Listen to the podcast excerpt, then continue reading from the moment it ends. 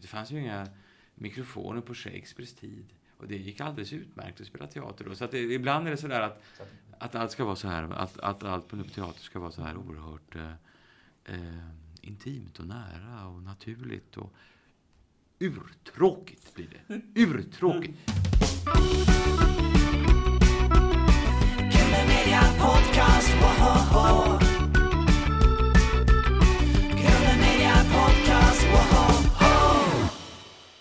Välkommen Andreas T. Olsson till Grunden Media Podcast med mig Carl-Magnus Eriksson och Jakob Olsson. Och med Erik Jensen. Mm, tack, tack snälla. Tack snälla. Fint att vara här. Mm. Vi, på, vi sitter här på helig kulturbärande mark. Ja. Lorensbergsteatern. Ja. Så är det verkligen. Mm. Och uh, här sitter vi för att du är på besök i stan. Mm. mm. Så, är det, så är det. Jag håller med. Det här är en... Lorensbergsteatern är en alldeles uh, särskild plats, mm. verkligen. Ja. Det är det. Här har gjort så många fantastiska föreställningar genom åren som har betytt så oerhört mycket för mig. Mm. Så att nu få komma hit och, mm. och spela. Jag har i och för sig spelat här förut, men nu, då var jag med i en föreställning som, som skådespelare. Nu ändå, kommer jag hit med en föreställning som jag har skrivit själv och står på scen och gör. Det, det, det känns väldigt speciellt mm. faktiskt. Mm.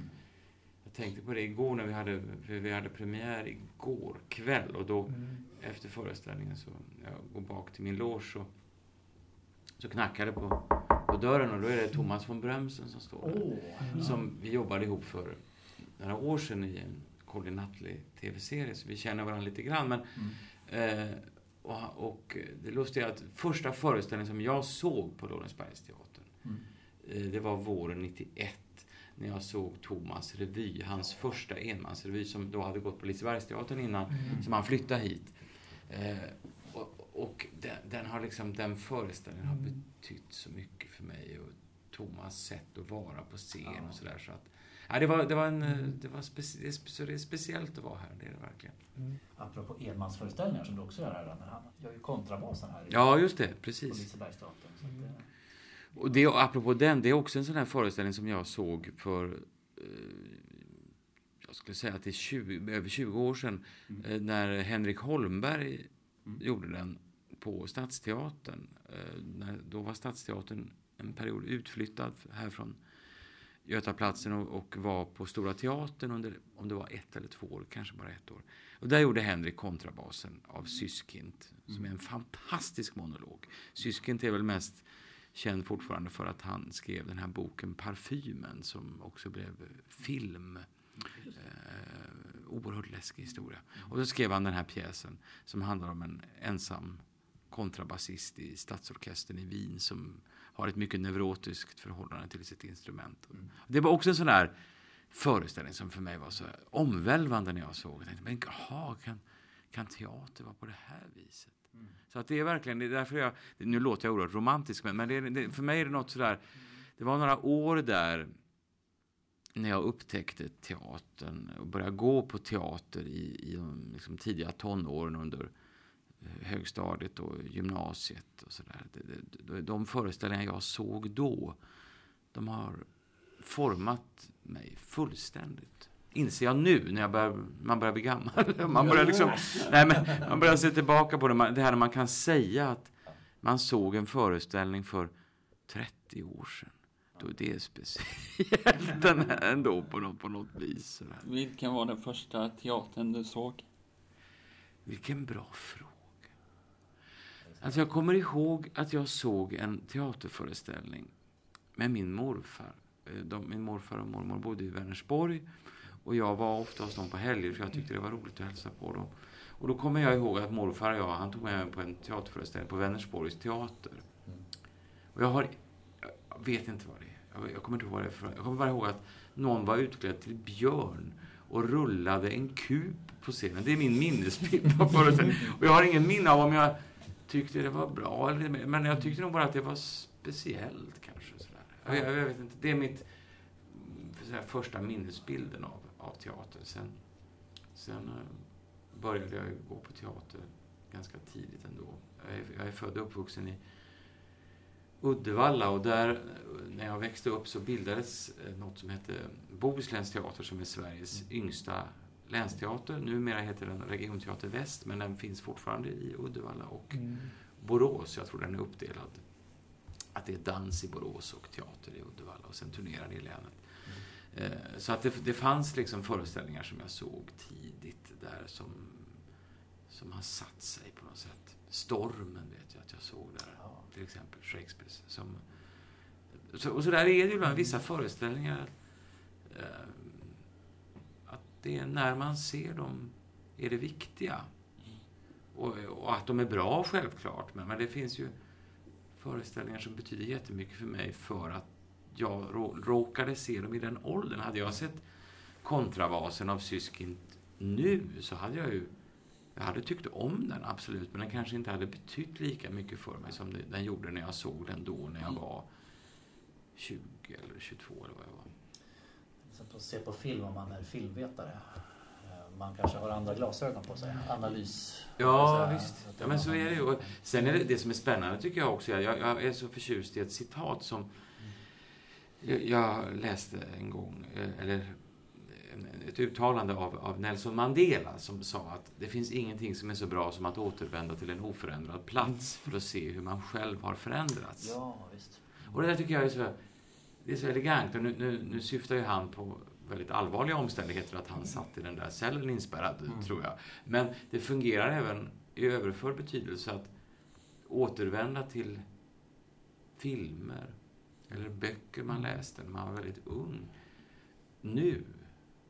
Och se hur man själv har förändrats. Det tycker jag är spännande. För, för att eh, en bok är ju densamma. Läser jag A Christmas Carol av Dickens så är ju den precis likadan nu som den var när jag läste den för 30 eller 35 år sedan. Men, men det är jag själv som ser nya saker. Det, det tycker jag är, är häpnadsväckande. För några dagar sedan såg jag om Tisdagskul med clownen Manne med min son. Jaha. Det var lite roligt. Ja, ja, ja, ja.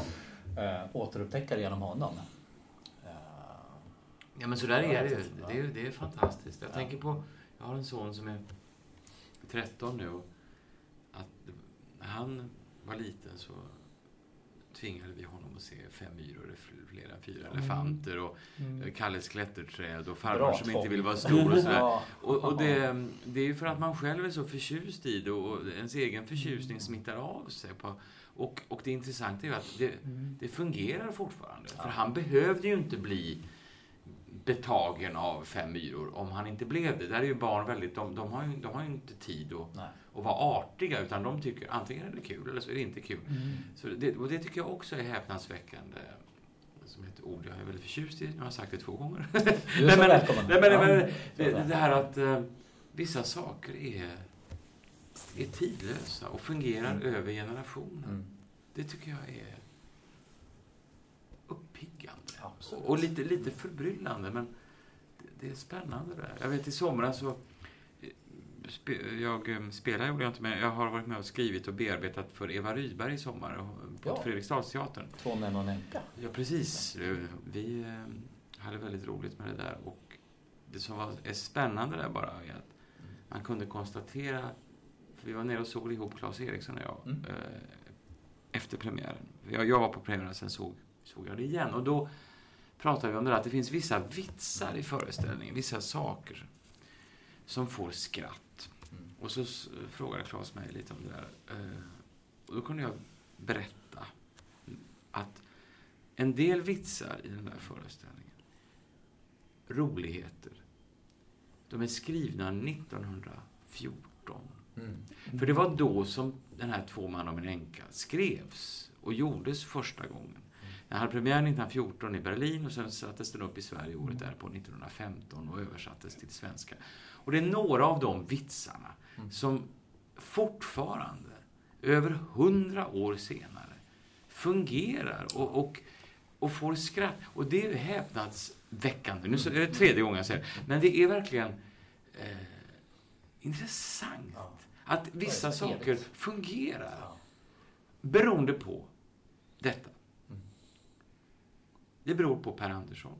Det beror på Eva Rydberg. Mm. Det vill säga, Eva och Per är två så remarkabla artister som är i kontakt med evigheten i sitt clowneri. Jag sa till Eva häromdagen, jag pratade med henne för vi håller på med ett projekt ihop för nästa år. Mm. Och jag sa till henne, så pratade vi om Per och så här, "Er- man skulle kunna skicka dig och Per till var som helst, valfri plats i Latinamerika, någon liten by.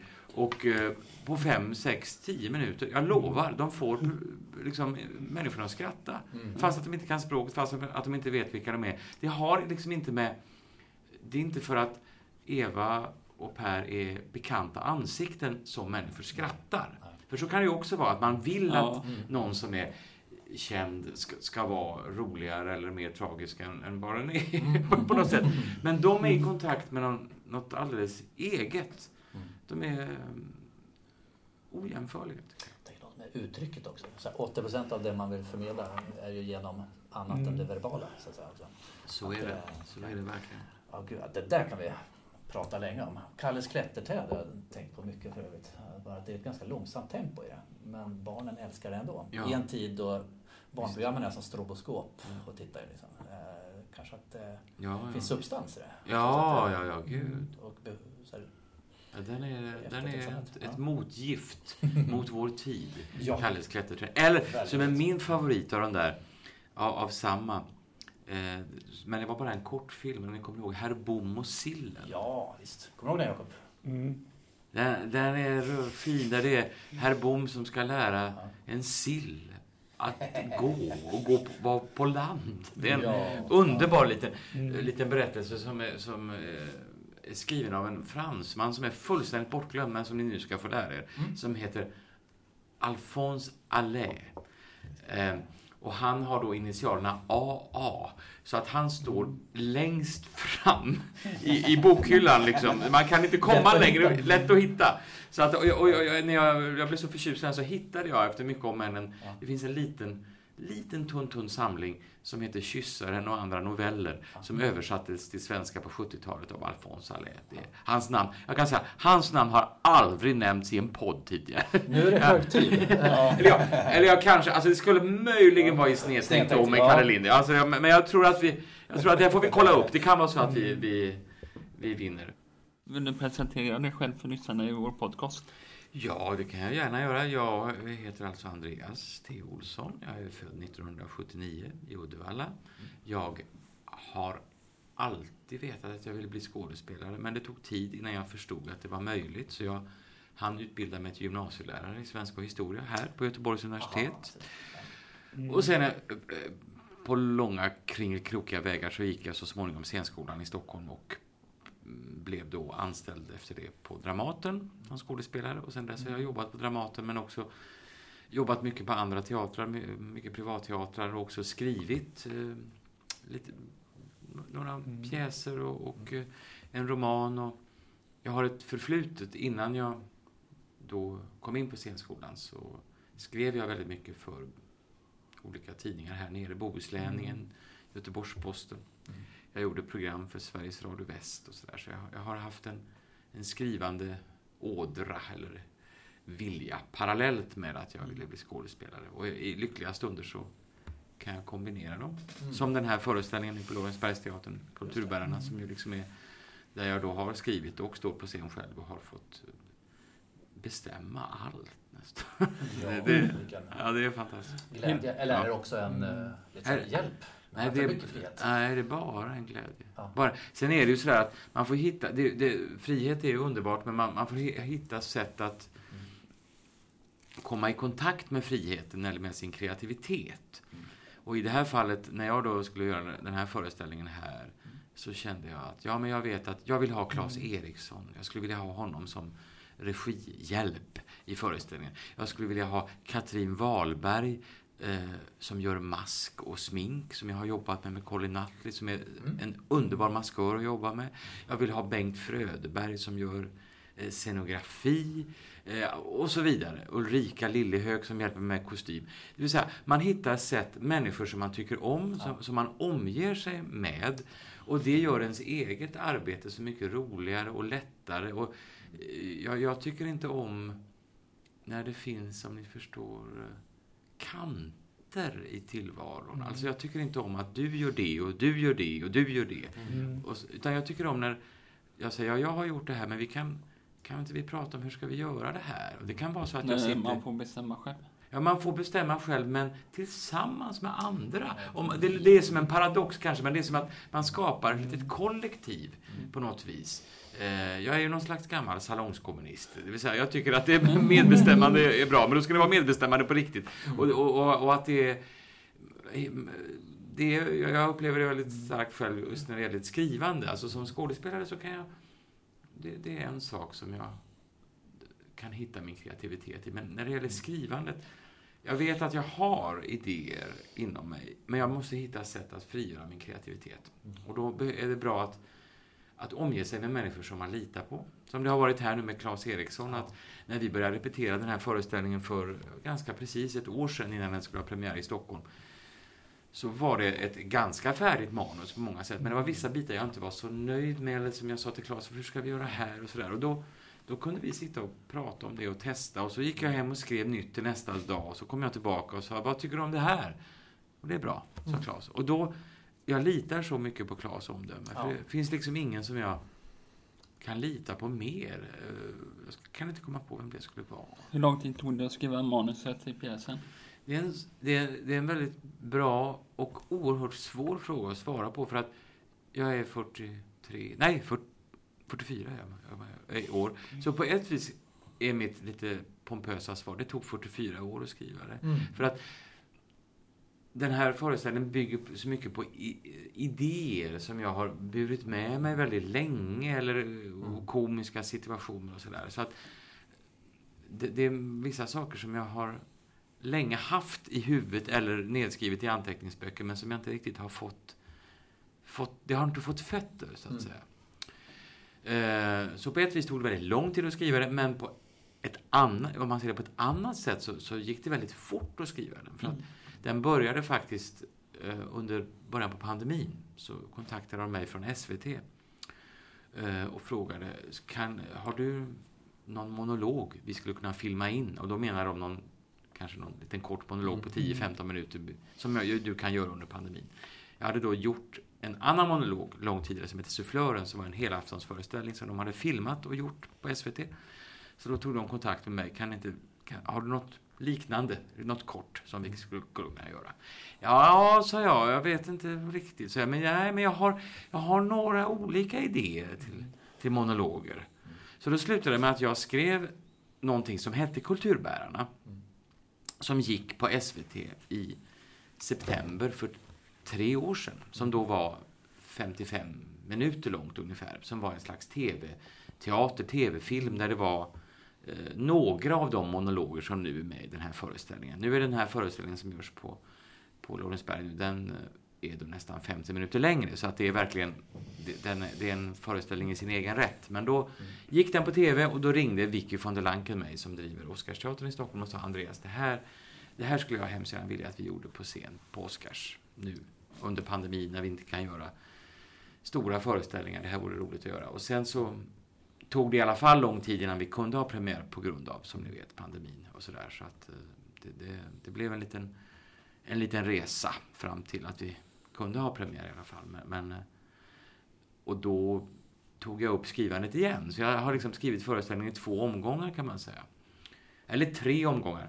Den ena omgången pågick 44 år. Den andra pågick under två och en halv vecka när jag skrev något väldigt raskt för SVT. Och då, det, det låter ju kanske snabbt men mm jag är ganska bra då på att, att jag kan få ur mig saker väldigt snabbt under press när jag, när jag har haft idéerna länge. Och där är jag lite skadad tror jag av, eller skadad låter så allvarligt, men jag, jag är färgad av att jag under så många år skrev krönikor för Bohuslänningen och GP under nästan totalt tio år. Och så, man skulle skriva en ny krönika som skulle in varje vecka. Eh, och skulle krönikan in, som det ofta var, kommer jag ihåg, på onsdagar klockan 12. Då gick jag upp klockan 06 samma morgon och satte mig och skrev. Trycka på skicka. så- Ja, alltså det var väldigt... Sen gick jag under veckorna och, och, och tänkte på idéer och sådär. Men jag hade ibland svårt att, att disciplinera mig att skriva i tid, i god tid. Ja. För sen, sen var det i och för sig att de här krönikorna, de skulle ju vara lite sådär dagsaktuella ofta. Mm. Eh, men det lustiga är att flera av de här krönikorna eh, använder jag fortfarande ibland när jag är ute och gör grejer eh, och liksom sådär, ska underhålla i något sammanhang. För att en del av dem lik förbaskat, är ganska bra. Ja, det, det är hemskt att säga. Det, det får man ju inte säga om sig själv egentligen. Det. Men, eller det Ja. får man väl. Men, men då tyckte jag inte det. Men nu kan jag se, kan jag titta på texter jag skrev för Mm. 10-15 år sedan. Men det där var ju, ja, bra kanske jag inte ens säger. Men det är ju acceptabelt. De fungerar. Är det där igen när man går tillbaka och tittar på någonting? Som du sa, Ja. När man är lite äldre så eh, Precis. förstår man plötsligt det på ett annat sätt. Aha, Ja, ja visst. så var jag där. där. Och, att, och ibland kan det vara att, det kan jag också. Sen är det massa jag har skrivit då de där åren eh, i GP och Bohuslänningen som jag läser och tänker, men gud snälla Andreas, det där var du för ung och för slarvig för att skriva. Det, är så här, att det, måste finns, få vara så också. det måste få, det måste ju få vara så också, men, men det jag kan se är att jag är min stil trogen på något sätt. Att det- det som jag, sättet jag skriver på, det är humorn och det formuleringar och sådär. Mm. De är de samma nu som då. Ja. Sen har jag förädlat vissa saker. Sen är, kanske jag ibland nu komplicerar det för mycket. Ibland, så här, man, man, för att man vill, man vill komma vidare. eller Sådär. Mm. Men eh, jag tänker mycket faktiskt på det nu när jag är här och spelar på Lorensberg och är här nu. Att, men jag är ju densamma Mm. som för 20-25 år sedan när jag var och gick här. Jag, jag, jag har inte utvecklats alls. eh, eh, utan jag, jag tycker fortfarande samma saker är roliga. Jag, jag, jag eh, drivs av precis samma saker. Svårare än så är det inte. Du kanske vill göra en eh, självbiografi av dina texter och dina manus som du har skrivit? Ja, Vilken, Kanske var det det var en smickrande idé, ja. Mm. Alltså jag, jag, vill få vänta, jag vill få vänta några år tycker jag. ja, så jag har ju hunnit Eller en skriva. bok. Ja, ja, ja. Det, det ser du vi fram emot, absolut. Det vore roligt.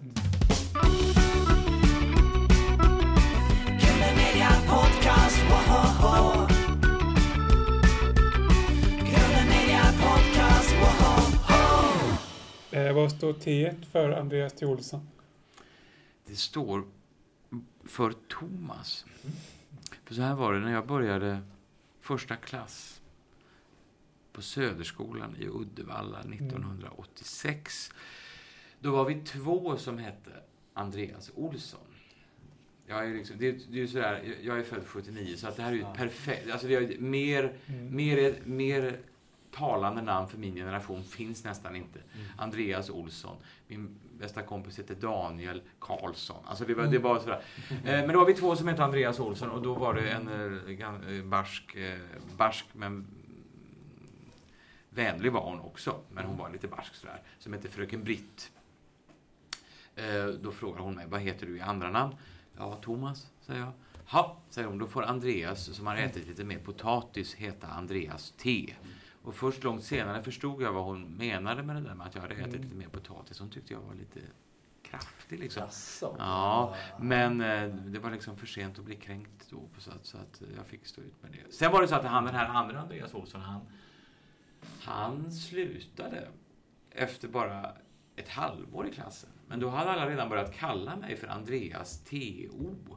Så att det levde liksom kvar. Så sen dess har jag hetat Andreas T. Mm. Och jag vet att när jag, för inte så länge sedan, så var det någon som, det var någon sådär, jag vet man blir uppropad om det var på någon flygplats eller jag vet inte vad det var. Så här. Jo men det var någon på Andreas Olsson och jag reagerar liksom Nej, inte. Jag reagerar, det, det är som det här T.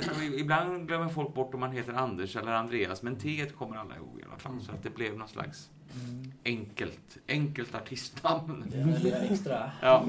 Pricken över Ja. ja. ja, men det får ju leva kvar. Ja. Och Olsson är ju inte fy skam heller. Och så är det Jakob. Mm. Nej, det är ju föredömligt. Ja. Jakob Mikael Olsson. Mm. Ja. Med, stavar du med två S? Samma som Andreas. Ja, Samma. samma. Ja, Ja. fint. Och jag heter Eriksson som Claes Eriksson. Som klar, det är ju bra. Men K eller C? K. Ja, bra. Toppen. Karl Då Magnus. stämmer. Det är bra. Mm. Jag heter faktiskt också Andreas i andra namn. Ja, att, ja, eh, ja. Jag förstår det där med vår generation. Ja, när är du född? 75. 75? Ja, men det är då det liksom samma. Ja. Det är samma. Mm. Kulturbärarna här då? Hur är det att spela alla roller själv? Det är väldigt eh, roligt att spela alla roller själv. Faktiskt. Det ger en oerhörd energi. Det här är, jag har kallat den här kulturbärarna för, den här förra monologen jag gjorde, Sufflören, det var en monolog. Den här har jag kallat för flermansmonolog, vilket jag, jag är väldigt nöjd över det Ja. uttrycket. Jag tycker också att det är ett ord i Claes Erikssons anda. På. Det finns ju bara, det finns flermanstält och flermansmonologer. Och, och det, för det här, i den här monologen så är det så att jag spelar en roll som är han är garderobiär på en teater och sen så med hjälp av kläderna i garderoben så ikläder han sig andra roller och spelar då massa andra eh, kulturbärare. Personer som ser sig som kulturbärare. Eh, och det gör att eh, det är ganska befriande att han, pratar och sen känner man Gud vad länge han har pratat, men nu behöver jag inte prata mer. Nej. För nu är det en annan roll som ska prata. Så att då är det liksom, man lurar sig själv på något sätt. Så lite metakaraktärer Ja. som klär sig till ännu karaktär. Så är det. Så det är väldigt roligt. Garderobiären, det är så fint att se honom. Han är den, av den gamla skolan som tar sitt arbete på Ja, han han har- och stryker till och med folks skjortor där Ja, ja, ja. när de tittar på teatern. Ja, han är ojämförlig. Hur många scenombyten har det? Åh gud, det vet jag Det jättemånga. det är det. Det är många, det är många, många byten. Är det. Man blir lite trött. Man märker det efteråt. Ja. Man kommer ut i logen efteråt och skjortan är helt genomblöt. Man, jaha, just det, det kanske var jobbigt det här. Så att, eh, men det, det, det är kärt besvär. I Fröken Flegman så sa de att Hasse svettades tio flaskor Ramlösa. är det något i den? Ja, men lite så är det faktiskt. Alltså det, det, det, är en, eh, det är en ansträngning som, som också har med att, att det är så mycket text att göra. Alltså Ja. det, det, det, det är liksom en timme och 45 minuter oavbrutet flöde av text. Och det, Ja. det, är, det, det är många ord per capita på något sätt. Är det musik också? Det, ja, det är det. Det är lite, det är lite musik emellan och så är det ljud, olika ljudmiljöer som de här olika rollerna befinner sig i. Och sen är det faktiskt en slutsång på slutet, men det, den kommer lite som en överraskning så det ska vi inte prata högt om. Nej. Klipper bort detta. Nej då. Nej då. Har du råkat blanda ihop rollerna någon gång, Andreas, till, till Olsson? Nej, det har jag faktiskt inte gjort. Inte i den här föreställningen. Det har jag, det har jag inte gjort. Nej, men, nej, men det, det, det har nog inte hänt faktiskt. Utan de, däremot så kan jag säga att har, rollerna har nog blivit mer och mer olika ju längre man spelar. Mm. Alltså, när man har premiär på en sån här föreställning som är så här lång, och Mm. då är det, det, så är det, man är inte klar på premiären. Det går inte att vara färdig med en timme och 45 minuter och man ska spela massa olika roller och hitta olika röster för alla och sådär. Så att, men nu när man har spelat då så här länge och återvänder till då är det som att skillnaden mellan rollerna har blivit ännu större. Så jag tror att jag, de var mer lika varandra från början på något Mm. sätt. Och det var inte att jag blandade ihop dem, men, men nu är de omöjliga att blanda ihop för att de är så distinkta, avgränsade på något sätt. Faktiskt. Hur många av de här karaktärerna är du? Det är, en, det är en bra och svår fråga det där, för att den, det, när man skriver, det enda man kan hämta från är ju sig själv på något vis och sin Ja. egen, eh, ska säga, sin egen bakgrund och vad man har sett och sådär. Så att det finns, jag ska säga, det finns, jag vet inte om det finns så mycket av mig som person kanske i, eller av mina, om man säga mina privata egenskaper kanske. Det, vet jag inte. Men att det finns allt av, av, av mig i det. Om man ser till vad min smak, min humor, mina inställningar till teater, eh, olika personlighetsdrag som jag kanske skäms för att utveckla eller, eller sådär. Det, det finns där absolut. Och det finns ju några av de här karaktärerna i den här föreställningen och även i annat jag har skrivit som där jag ändå kan konstatera att jag skriver ofta om människor som är lite, vad ska man säga, lite ensamma, lite eljest, lite vid sidan om sådär. De som, som kanske inte drömmer om att stå i centrum riktigt som en skådespelare gör, att man liksom ändå står där. Utan jag tycker om att skriva om då en sufflör eller en statist, en garderobiär, en museivakt. Alltså det, jag går igång på att skriva om, om människor som är, som, som ja, är i mellanrummet Mm. På något vis. Och som gör det väldigt viktigt för sig själva. Det är som en av mina favoritmonologer i Kulturbärarna. Det är en, han, är museivakt, eller har varit museivakt kan man säga. Och blir förälskad kan man säga i en tavla, eller blir helt betagen i en tavla. Han, blir, han ska sommarjobba en sommar efter studenten och får sitta i ett rum med någon stor modern målning framför sig som han tycker är stor och deppig och sådär. Och sen efter ett tag så är det som att han blir helt uppslukad av den här målningen. Och sen ska den här målningen säljas. Ja, det, det, det där tycker jag om. Det är någon, någon, någon, någon som blir så betagen av konsten eller kulturen. Så att det, och att det blir viktigt för dem. Ja. Eller, eller som då den här Garobieren som du nämner. Att han, han, han, det tänker vi inte kanske så mycket på när vi går på teater. Att Garobieren skulle tycka att det var så roligt att vara Garobier. Men han älskar att vara Garobier. Och han tar då hand om människors kläder när de är, hänger där ute. Och han syr i knappar och han byter foder och han stärker till kragar och han ser till att de har det bra, liksom kläderna. Det ingår i biljetten. Ja, det ingår i biljetten. service. Han Ja. ser sig som omhändertagare, Ja. säger han. ja. Det är viktigt. Vill du ge ett smakprov från eh, föreställningen? Ja, ja, vad skulle det vara? Ett smakprov? Det, det tar ju nästan en timme och 45 minuter att ta ett smakprov. Men, men... Eh, ja, apropå Garobieren där han... han apropå det här om händ, Han säger så här någonstans där, apropå det vi pratade om, så sa han så här. Omhänderta. Det är ett så vackert ord, tycker jag. Som har fått en sån negativ klang. Oftast är socialtjänsten eller polisen inblandad. Jag tycker att det är tråkigt att det ska behöva gå så långt. Jag är garderobiär. Men jag ser mig i första hand som omhändertagare. För omhändertar så måste de också ge. Man kan inte behålla för egen del. Då är man inte omhändertagare. Då är man nyliberal. Det är sen gammalt. Den som spar, han har, men den som är kvar, han tar.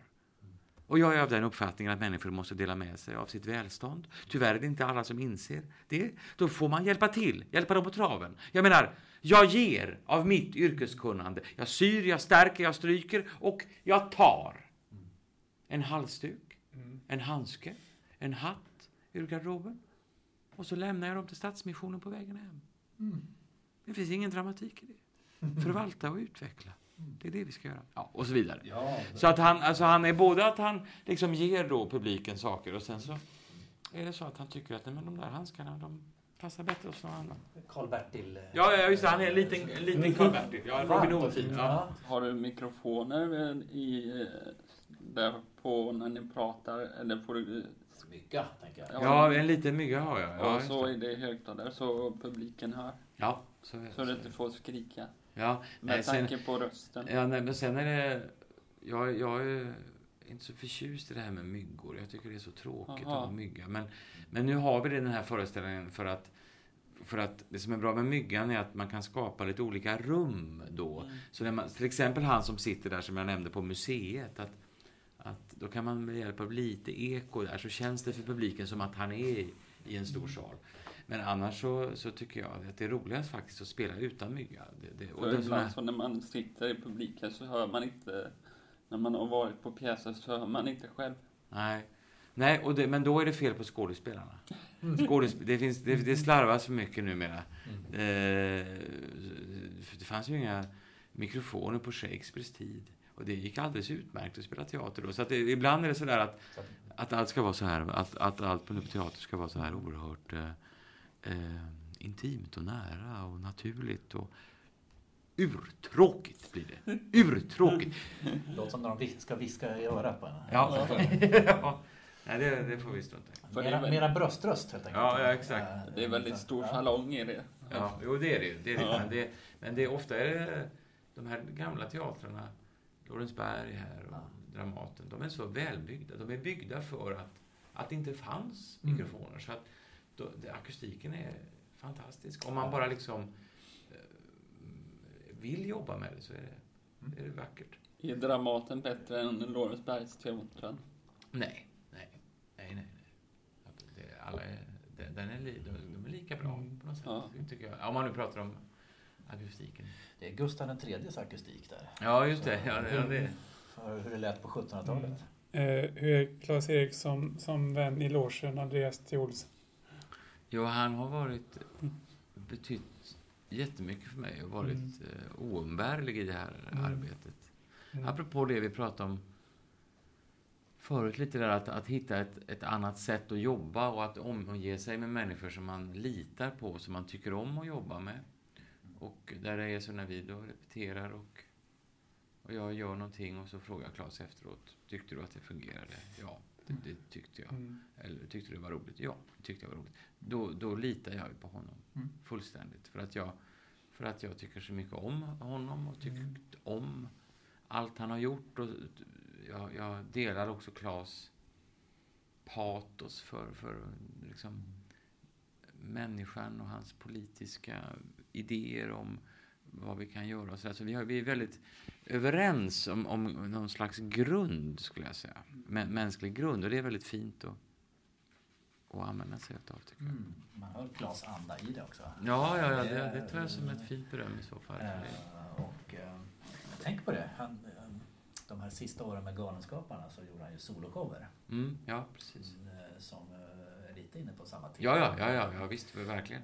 Strålande var de. Ja, ja. Strålande. Vad är det du jobbar med på Dramaten just nu? På Dramaten just nu. Jag ska så småningom börja repetera en pjäs här i oktober. Eh, som Susanne Osten ska sätta Mm. upp. Eh, som heter Konspiration, som handlar om konspirationsteorier. Som är en nyskriven pjäs av Erik Uddenberg. Som vi ska göra premiär i december. Så det ska jag göra närmast på Dramaten. Mm. Mm. Avrunda Klas där. Vän i salongen. Ja, Vis. ja. Nu sa vi vän i logen här, men jag tänker Jaha, ja. vil. Ja, ja, ja.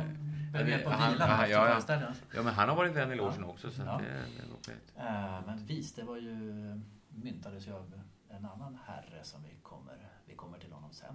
Kan, Ja, just det. Jo, det är sant.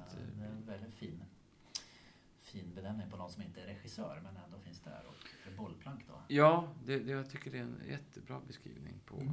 på, på hur, också på hur vi har jobbat, Mm. verkligen. För att, att eh, i vissa föreställningar kan man ju behöva en regissör som liksom går in Mm. med sin vision kring hur det här ska göras. Men i det här fallet så är det ju när man, eller man, när jag har skrivit det själv och ska framföra det själv, Mm. då behöver man en annan slags hjälp Mm. eh, som inte handlar om att man behöver, jag behöver ingen konstnärlig vision från, från en regissör hur det ska göras, för jag vet redan hur det ska göras. Det är mitt sätt att skriva i alla fall. Mm. Det är kanske inte alla som skriver åt sig själva som, som tänker så. En del kan ju skriva och sen överlämna de det till någon som, hur ska det här göras då? Men jag, liksom, jag skriver in, mina idéer har så mycket redan med att göra hur det ska framföras, Mm. faktiskt. Så att, eh, därför var det så lätt och roligt att jobba på ett annat sätt. Galenskaparna för sig hade ju en liknande form där. När de gjorde det ihop, så att säga, regiarbetet. Vad, vad de kallar sig då, Jakob? Eh, Okmi. Ja, just det. Ja, och jag, vet- i Fröken Fläggman så, så kallade de sig ju Tage-Lena Ekfredsson, hette regissören där. Och det var, det var ju, så man kan jobba på olika sätt. Men det kan man verkligen Mm. göra. Det görs för sällan. Mm. Du möter ju upp eh, publiken innan showen. Hur hinner du med det? Eller vad? Nej, eh, inte, men efteråt. Ah. Efteråt, eh, efter Kulturbärarna har jag stått i foajén och, spelat positiva. Ja, Så är det. vad var det för instrument? Jag är positiv. Du vet en sån här... Det var en dålig imitation av positiv, men så här vevar, man vevar och det låter som, som cirkusen är i stan. Gärna Ja. valstakt. Ja. Det var väldigt roligt instrument. Ja, ja, ja, det är, det är jättevackert. Jag skulle vilja ha ett eget positivt. Vi, vi hyrde in ett, eh, men eh, det var roligt att ha ett. Ja. Vad har du för knep eh, för att lära in text? Ja, det är lite olika beroende på vad, vad det är för text som ska läras in. Vem som har skrivit den. Har jag skrivit den själv så är det, finns det ju... Då har man ju en viss genväg när man, att, när man- att man redan har skrivit det. Det gör det inte så mycket lättare i sig, men, men man, man... Det är en kortare sträcka att lära in den på något vis. Mm. Men ja, ja... Spelar man en pjäs till exempel, eh, då tycker jag väldigt mycket om att, att, alltså, vad ska man säga, repetitionen i rummet med de andra skådespelarna. Mm. För mig, då sätter sig texten väldigt snabbt faktiskt. För jag är inte så bra på att sitta hemma på kammaren och, och läsa repliker och lära mig utan till att komma. Det går nästan inte tycker jag för att jag behöver veta hur jag ska gå och stå och göra för att det ska hamna på rätt plats i kroppen på något vis. Så att eh, det... Men sen brukar jag, eh, jag brukar skriva ner texten, brukar jag faktiskt göra. Och, och ibland sådär markera med färgpennor runt vissa ord och hålla på sådär. Så att jag, det är lite olika beroende på vad det är. Vissa texter är ju svårare att lära sig än, andra. Eh, Jag gjorde en monolog för några år sedan på Dramaten som Niklas Rådström hade skrivit till mig som heter När det kommer till kritan. Som var en timma och en kvart eller vad det var. Det var jättesvårt att lära sig. Det var, det var, det var, där fick jag ta till alla metoder som, som är bra och dåliga på samma gång. Alltså det, nej, men det var, eh, så den, den fick jag verkligen slå in den här texten. Jag tänkte, eh, som du nämnde här, då, det är inte första gången du gör enmansföreställningar då? Nej, det är det inte. Jag har gjort ganska många monologer eh, faktiskt. Dels har jag liksom alltid, sen långt, långt tillbaka, eh, alltid gjort så enmansföreställningar eller enmansshower eller så att jag är ute och åker ut och underhåller eller så där, någon slags, ja, jag brukar säga jag är inte stand-up komiker, jag är stand-by komiker. Jag, und- jag, jag är rolig om det behövs. Ja. Eh, Sådär. Så, att jag har, så det har jag en viss, har haft en lång vana av att jag liksom uppträtt inför publik med, med monologer. Sen har jag gjort, om vi nu tänker då på som kulturbärarna eller sufflören, vill säga teatermonologer, pjäser som är en monolog. Det har jag också ändå gjort några stycken. Den första, var, första i den genren var egentligen något som hette Nobelpristagaren, en monolog som Åke Cato skrev till mig. Eh, som eh, byggde på en roman som Åke eh, skrev i slutet på 80-talet tror jag. Och sen lärde jag och Åke känna varandra i början på 2000-talet när han skrev eh, för mig. Och eh, så uppmuntrade jag honom. Så kan man, kan, skulle man inte kunna göra en föreställning av den där? Och då gjorde vi den som monolog på Regionteater Väst. Det här var faktiskt året innan jag började scenskolan. Så att jag, var- jag var liksom inte, var inte färdig så att säga. Men jag hade ju hållit på då i massa år med revyer och kabaréer och enmansföreställningar. Så att eh, det var på väg åt det professionella hållet kan man väl säga. Men eh, det, var, det var den första. Och Åke hade ju du, Jakob och jag och alla andra sett i... Nöjesmassak. Ja, just det. Ja. det var 80-talet där. Ja. Ja. Ja, han var en rolig person. Men det här då med att kastas ut i ensamheten på scen. Den känslan, helt själv. Men det är utan under- skyddsnät. Vad- Det är underbart. Ja. Det är underbart. Jag tänker på en replik som Hamlet har i, i Hamlet, där han säger Alone at last. han. Och, så, och så kan jag eh, känna när man kommer in på scen sådär. Ah, Äntligen ensam. För då- då är- kraniet med sig, jag inte. Men, men det är liksom... Man är ju inte ensam för man har ju publiken, Ja. men det är någon slags... Ah, nu, nu, nu, nu löser jag det här. Så känner man. Nu, nu, nu är det jag som är ansvarig för den här båten och jag lovar att det ska bli roligt och jag, jag lovar att ta er i hand. Eller, I hand? I hamn heter det. I hamn. Ja, man kan ta i hand också i och för sig. Är du nervös innan du går upp på scenen? Nej, det är jag faktiskt inte. Det är bra det. Jag har inte den... Det finns ju kollegor som har det. Scenskräck och rampfeber och sådär. Eh, Jag eh, har hittills varit förskonad från det. Peppar, peppar. Var du nervös när du gick upp på, när du var med på T4 efter fem? Nej. Nej. Ja, ja men vet du vad? Jo, ibland kan man vara mer nervös för, för sådana saker. Eh, Nu är inte det här direkt det här vi gör nu, men Nej. den här sortens intervjuer kan man också ibland bli... För det är ju... Direktsändning. Det är direktsändning och det finns ingen chans att ta om saker. Och det är alltid stressigt i tv. När man är med i tv i direktsändning. Man, man ska liksom prata väldigt... Och så säger de, ja tack för att du kom. Va? Ja, man har inte ens börjat prata liksom. Ja. Så att, Är det TV4 också så är det ju reklampauser att sig till. Ja, Så precis. Då måste du få in det. eller sätta så att på- det kan man bli... n- När, nervös är fel, men man kan, där kan man få en viss anspänning eh, på något vis och känna Ja, för Axel gjorde en bra intervju med dig tycker jag. Ja, vad roligt. Ja, han är väldigt fin. Ja, Tack snälla. Det var, det var, ja, jag vet den där. Just det, ja, den blev jag väldigt eh, överraskad av. Ja, just det. Mm. Men du känns ju som en sån trygg kultursjäl. Så. Eh, Men är, är du självkritisk också? Ja. Ja. Det är jag. Och eh, det är därför det är viktigt att omge sig med människor som man litar på, som, som man kan fråga eller ta råd ifrån. Och så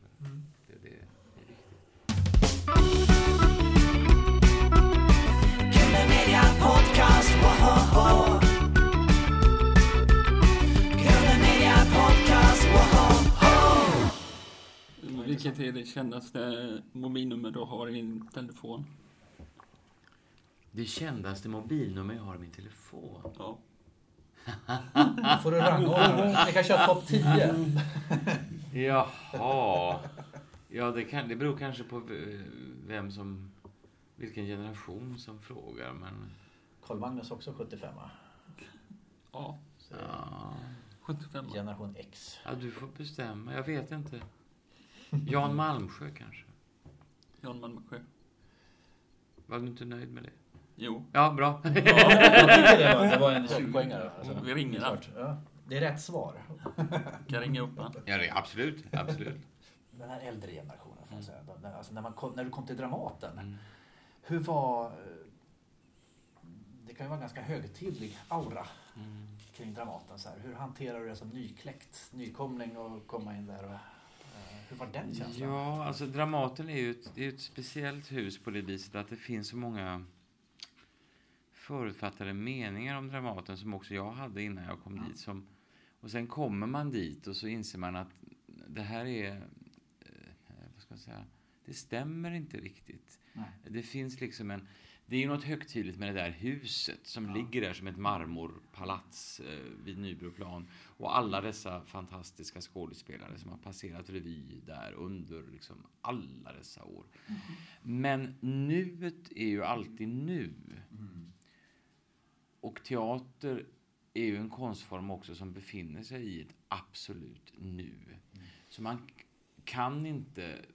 Jag, jag tyngdes nog av det där i början lite när jag kom till Dramaten. Men man, jag kan ju inte tänka på Jarl Kulle när jag står på Dramatens stora scen och tänka det här hade Jarl Kulle gjort bättre. Eller, Tänk att jag får stå här där Margareta Krook har varit. Hur ska, nej men nu får jag väl ändå ta det lite lugnt. Alltså.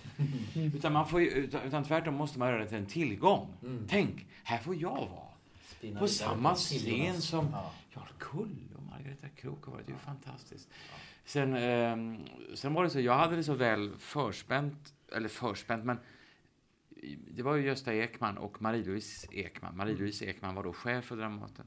Som på något sätt upptäckte mig på scenskolan, tog mig till Dramaten. Vi kände inte varann alls innan. Det var liksom en ren slump att våra vägar korsades och att vi tyckte om varann. Eh, och det gjorde att jag kände mig väldigt omhuldad när jag kom till Dramaten av dem. För hon ville ju att jag skulle vara där, hon var chef. Eh, och Gösta var en ljuvlig person som har betytt allt för mig. Och det var också så när jag kom till Dramaten att eh, jag spelade i, också, vid sidan av att jag skulle spela med sufflören, så spelade jag också eh, i Amadeus med Adam Paulsson gjorde Mozart. Vi hade gått scenskolan ihop så honom kände jag mig väldigt trygg med. Eh, och så gjorde Johan Rabeus Salieri. Och Johan och jag fann varann omedelbart och hade väldigt roligt. Och jag kände mig så eh, inbjuden och, och just omhändertagen av, av Johan. Och, och vi har sedan dess haft eh, en pågående kärleksrelation.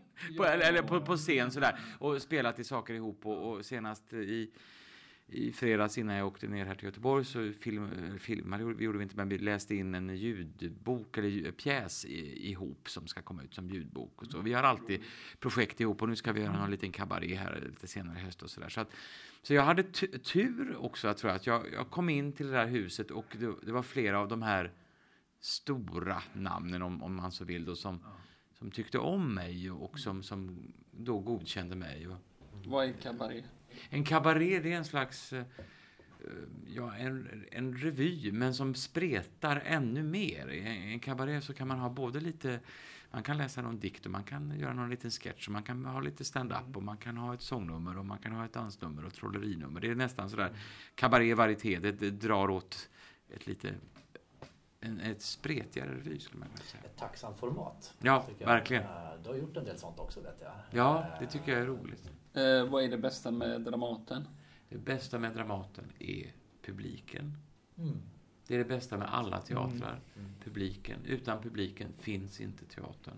Då spelar det ingen roll om skådespelarna står där, om publiken inte kommer. Och om publiken kommer så vet man att de vill se det som görs på teatern. Det är, det är ojämförligt. Så. Har du någon favoritskådespelare på Dramaten som du umgås med? Johan Rabaeus. Johan, jag, Ja. Johan tycker jag förfärligt mycket om. Eh, Vi umgås mycket. Jag, har, jag, har, eh, jag tycker också eh, att Sveriges finaste skådespelare, brukar jag alltid säga om jag får frågan, det är Per Svensson. Ja. Han är den finaste skådespelare som finns. Ojämförligt rolig. Han har också en, en, en, en, en tragisk ådra Mm. som är fantastisk. Han är också den godaste, finaste människa som, som finns. Så att Per Svensson, han borde ha en egen Oscarsstatyett varje år. Ja. Och jag såg honom senast i, i söndags i eh, Änglagård, är han med nu, Aha. eh, på Oscars i Stockholm och spelar eh, prästen. Och han är, Mm. bara Per är, är värd hela resan till Stockholm. Från valfri plats i Sverige. Där har vi ett intervjunamn. Ja, verkligen. Ja, han skulle älska att Fånga det, intervjua så. Men jag tänker då, du, alltså, du behärskar ju både och, tänker jag. Och vad känner du mest hemma då? I humorformatet eller i dramatiken? För mig finns ingen skillnad mellan dem. Och eh, blir det en skillnad så blir jag ointresserad. Ja. Jag tycker inte om när det är för mycket åt det ena eller andra hållet. Nej. Eh, då, då, då, då får det vara för mig. Mm. Det är därför som jag tycker det är så roligt att få komma tillbaka hit med nu. Med den här föreställningen som för mig är, ja det är så här jag vill att det ska vara. Mm. Och jag inser att den här föreställningen kunde jag lika gärna ha gjort för 20 år sedan. Mm. Faktiskt. Förhoppningsvis har jag blivit en bättre skådespelare och lite bättre på att skriva. Men, men, men det hade lika gärna kunnat göra för 20 år sedan. Jag har, liksom, jag har gått en lång omväg för att komma tillbaka till mig själv. Ja, det är fantastiskt att få göra det, Ja. tycker jag. Ja. Kommer den tillbaka eller blir det annat också? Ja, det hoppas jag. Alltså, det, det, det var så svårt att hitta tider här på Lorensberg, för det är så mycket som händer här. Så att Mm. nu blev det fem föreställningar på kort tid och sen hoppas vi komma tillbaka snart igen. Och, och eh, sen ska den tillbaka just lite till Stockholm och, och som jag sa, Malmö och sen ska vi ut på turné. Och, så att den, och, och den här sufflören som jag gjorde på Dramaten, den höll vi ju på med, eller vi, jag pratar i pluralis majestatis. Ja. Jag- vi, var, vi, vi var ju många som Ja. på med det. Men den, den höll jag ju på med i tio år och spelade. Och Ja. jag, jag, jag, det är inget mål att jag behöver spela det här i tio år, men, Ja. men jag tycker det är roligt att bära med sig en föreställning över tid och återvända Ja. till den. Så jag tycker det är roligt. Och när man bara då är en så är det lättare också att, Ja. att göra det. Eller så kan du ringa upp-. I, i, idag. ja. Vad är humor för dig? Humor är saker och ting som är skrattretande. Det vill säga saker som blir roliga för att man hade förväntat sig något annat och så blir det Mm. något tredje Mm. på något vis. Och där är det, jag, det finns så mycket jag tycker är roligt, men bara för att då liksom droppa några namn. Mm. Så för mig, Claes Eriksson, Thomas von Brömsen, Magnus Härenstam, Gösta Ekman, Barry Humphries som gjorde Dame Dame Edna. Ja, visst. Susanne Reuter, Mm. Ulla Skog, Mm. Lorry-gänget. Alltså, det, det, det som jag färgades av i den där. Monty Python. Ja, ja, absolut. absolut. Absolut. Robert Gustafs. Ja, ja, verkligen. Verkligen. Du nämnde ju ett namn här som av en händelse. Mm. Ja. Andreas Olsson, vad är det bästa med Magnus Härenstam? Oj, vad det bästa med Magnus Härenstam? Det var att han var Magnus Härenstam. Ja. Det var det allra bästa med Magnus Härenstam. Han var en eh, ojämförlig eh, komiker och skådespelare, tycker jag. Han, Mm. han hade så mycket facetter som han använde sig av i, när man ser de här filmerna han gjorde med med Lasse Hallström, Mm. jag menar Tuppen och två killar och en tjej. Och så. Han är en strålande skådespelare. Och sen var han ju också Sveriges, kan man ju egentligen säga, Sveriges första ståuppkomiker. När han och Brasse gick liksom skilda vägar och Magnus Mm. eh, skulle ju vara själv. Då gjorde han ju sådär Dave Allen-inspirerade ståuppföreställning som heter Föredraget som, som, är, som är fa- fantastisk. Alltså. Och eh, det, det känner jag mig väldigt besläktad med, den här lite lätt pedagogiska Ja. besserwisser-tonen som, som han... Ja, jag, jag har alltid tyckt så mycket om det där, faktiskt. Och det har jag inspirerats av. Och han, jag sa i något sammanhang, jag formulerade för mig själv att det som gjorde att jag tyckte så mycket om Magnus Härenstam, tror jag, när jag var liten eller yngre, ung, det var att eh, han representerade en annan Mm. manstyp. Mm. Han var inte macho på något sätt. Han var, han var lite korrekt och sådär elevrådets ordförande typ sådär. Men han visade att man kan vara så också. Och det, jag, jag inbillar mig nu så här på ålderns höst att det betydde mycket för mig då att jag kände ja, så där kan man vara istället. Det tyckte jag var fint. Jakob, vilken är din favoritroll med Magnus Härenstam? Eh, tuppen. Ah. Vad heter han? Cederqvist? Cederqvist. Ja, just det. Ingenjör. Cederqvist. Tidsstudieman. Ja. Ja. Såg du hans sista show, Morsning och Goodbye? Det gjorde jag. Tyvärr såg jag den inte live. Jag har sett den, fick, fick en dokumentation av den. Lustigt var att jag lärde känna Magnus lite grann sista åren. När jag gick på scenskolan och sökte upp Magnus. Mm. Och vi hade några fina samtal. Och han var och tittade på Sufflören Mm. på Dramaten. Och, och jag har ett brev hemma inramat som hänger i hallen från Magnus och hans fru Birgitta. Mm. Som jag för övrigt träffade senast häromdagen som är en ljuvlig person. Och, eh, och sen fick jag av Magnus en inbjudan till föreställningen när han äntligen spelade den i Stockholm. Då. Och då kunde jag tyvärr inte för att jag spelade då på Dramaten 13 afton. Mm. Men eh, jag skrev och tackade honom för detta och sen så gick han ju bort väldigt raskt efteråt. En sån här sak som jag påminner mig om, eller påminner, så man, man ska, det här att vara omtänksam om andra. För då, han gick bort och sen så, eh, efter några veckor så fick jag en eh, inbjudan till begravningen, till, till minnesstunden efteråt. Och då berättade Birgitta, hans fru, för mig, efter, ja, det var Magnus var så noga med vilka som skulle bli inbjudna och Mm. du skulle få en inbjudan. Och så jag tänker, det där är en gentleman. Alltså jag, jag blir alldeles rörd faktiskt när jag tänker på det. För att han, man ses bara några gånger, men man hittar liksom någon slags, eh, vad ska man säga, gemensam ton eller sådär. Så att, ja, jag tänker på det. Så där ska man vara. Man ska vara omtänksam. Mm. Eh, vad lyssnar du på för musiken i Spotify? Jag lyssnar ganska mycket på jazz. Mm. Sådär gamla jazzlåtar. Ger mig väldigt mycket lugn och ro. Sådär. Som jag brukar googla ibland på Woody Allen soundtrack. Lite olika soundtrack från Woody Allens filmer. Det lyssnar jag på. Då är det bara jazz. Ja. Så att det, det, det tycker jag mycket om. Om du inte vore skådespelare, vad skulle du vara då? Ja, då skulle jag kanske vara gymnasielärare som jag, som jag ju är, eh, formellt i alla fall. Ehm, när jag var liten så svarade jag alltid, jag vill bli skådespelare, lärare eller präst. Det var de tre.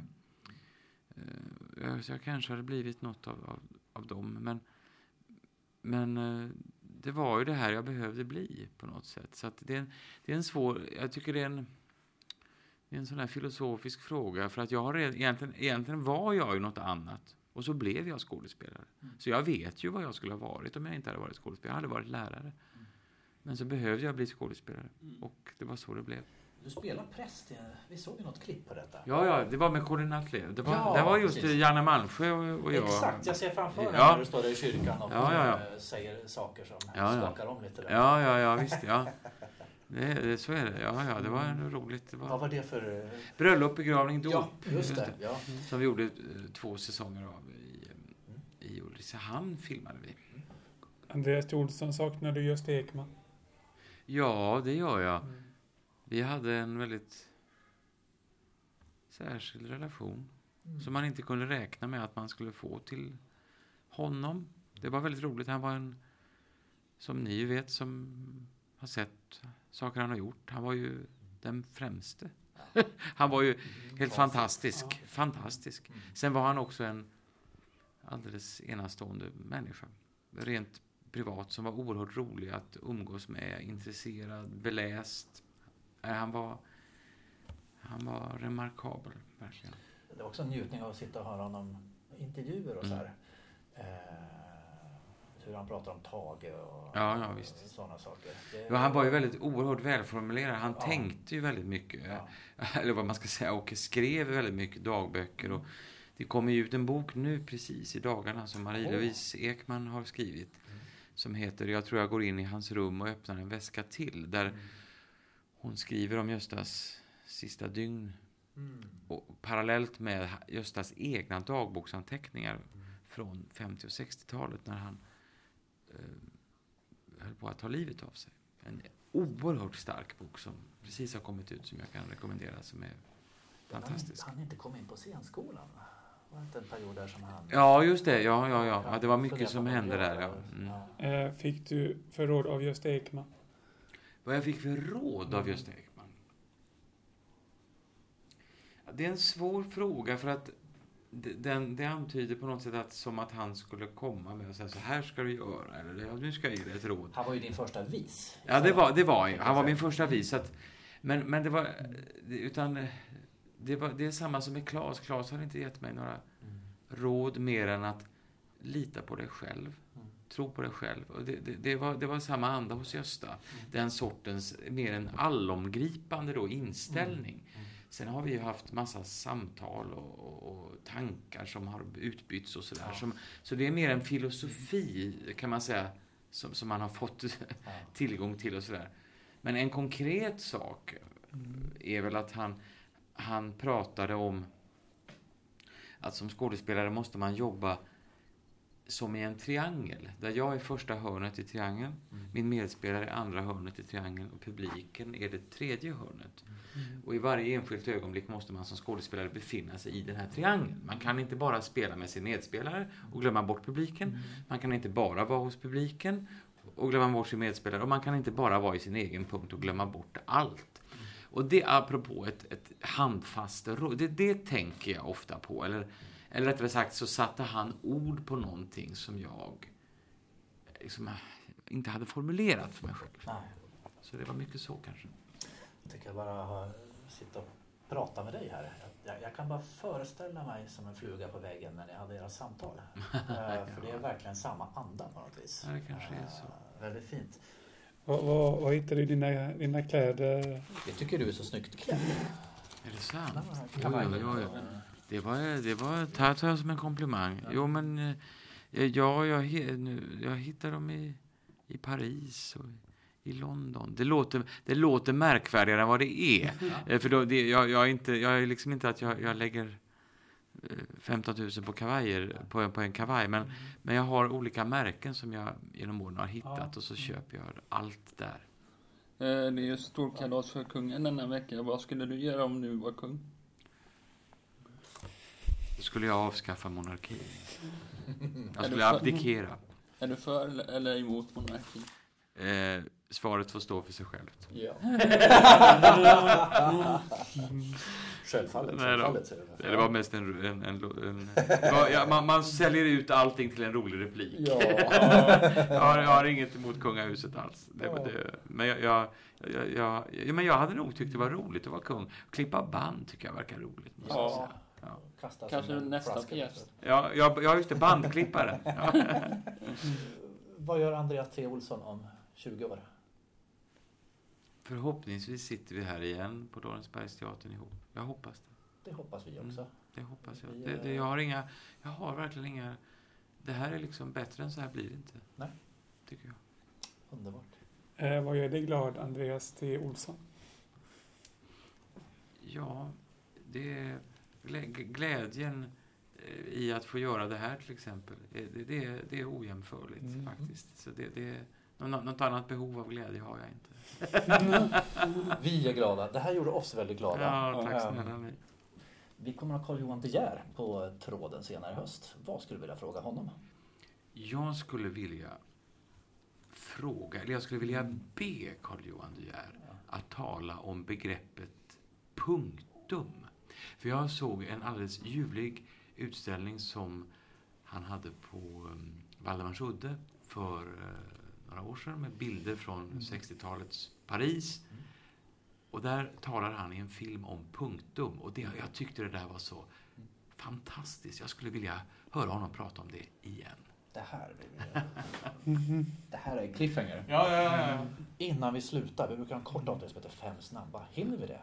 Ja, om, ja, om de är fem snabba. De är verkligen... De Ja, är ja, annars är det... hundra snabba. 100 snabba. vi väljer fem. 120 snabba, ja. Ja, vi kör fem snabba. Ja. Från Fem snabba Ja. till Det är, Andreas. för, det är att jag svarar så utförligt på att det är mitt, som är mitt fel. Ja. Det är livsfarligt. Det får bli en snabb kanske. Fem Shoot. snabba, fem snabba till Andreas T. Olsson. Lorensbergsteatern eller Dramaten? Men vad tror du? Lorensbergsteatern, Det står självklart. Pernilla här bakom så att... eh, Ja, Alla dagar i veckan. Alla dagar i veckan Lorensbergsteatern. det är korrekt svar faktiskt. Sickan eller Papphammar? Papphammar. Eh, kaffe eller te? T. Andreas T. Andreas T naturligtvis. Ja. Vad står T för? Ja, det, står, det står där. Det var en fläggman. Ja. Ja, exakt. Där kort ligger eller Jeopardy? Magnus Härnst. Jeopardy. Korta pauseringar eller Ernst-Hugos pauseringar?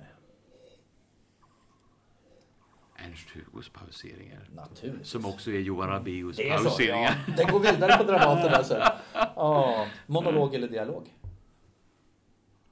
Dialog. För att monologen är den yttersta formen av dialog. Mm. Så är det, tycker, tycker jag. Alltså att eh, när monolog är som bäst, då, då är det dialog. Mm. Eh, Det finns många dialoger som är monologer. Där det är skådespelare som bara pratar med varandra och vet inte vad de Mm. säger. Då, då blir det monolog istället. Så Mm. att, eh, Mm. Ja, spännande. dialogmonolog. Ja, Dialog. Monolog. du svarade ju rätt på samma. Jag att det- för svarar jag rätt på allt. Ja, så du får en, en, eh, Jag en får en- cykel i pris. Ja, Ja. Eh, Andreas, apropå monolog och dialog. Lycka till med fortsatta föreställningar här. Och vi hoppas också du kommer tillbaka ja gärna, när ni med vill. När ni vill. Andreas, tusen tack för att du ville hänga på oss och prata. Det Tack, snälla. Tack snälla för att jag fick vara med. Ja. Tack så hjärtligt. Ja. Sköt om dig. Hej då. Hej då. Podcast,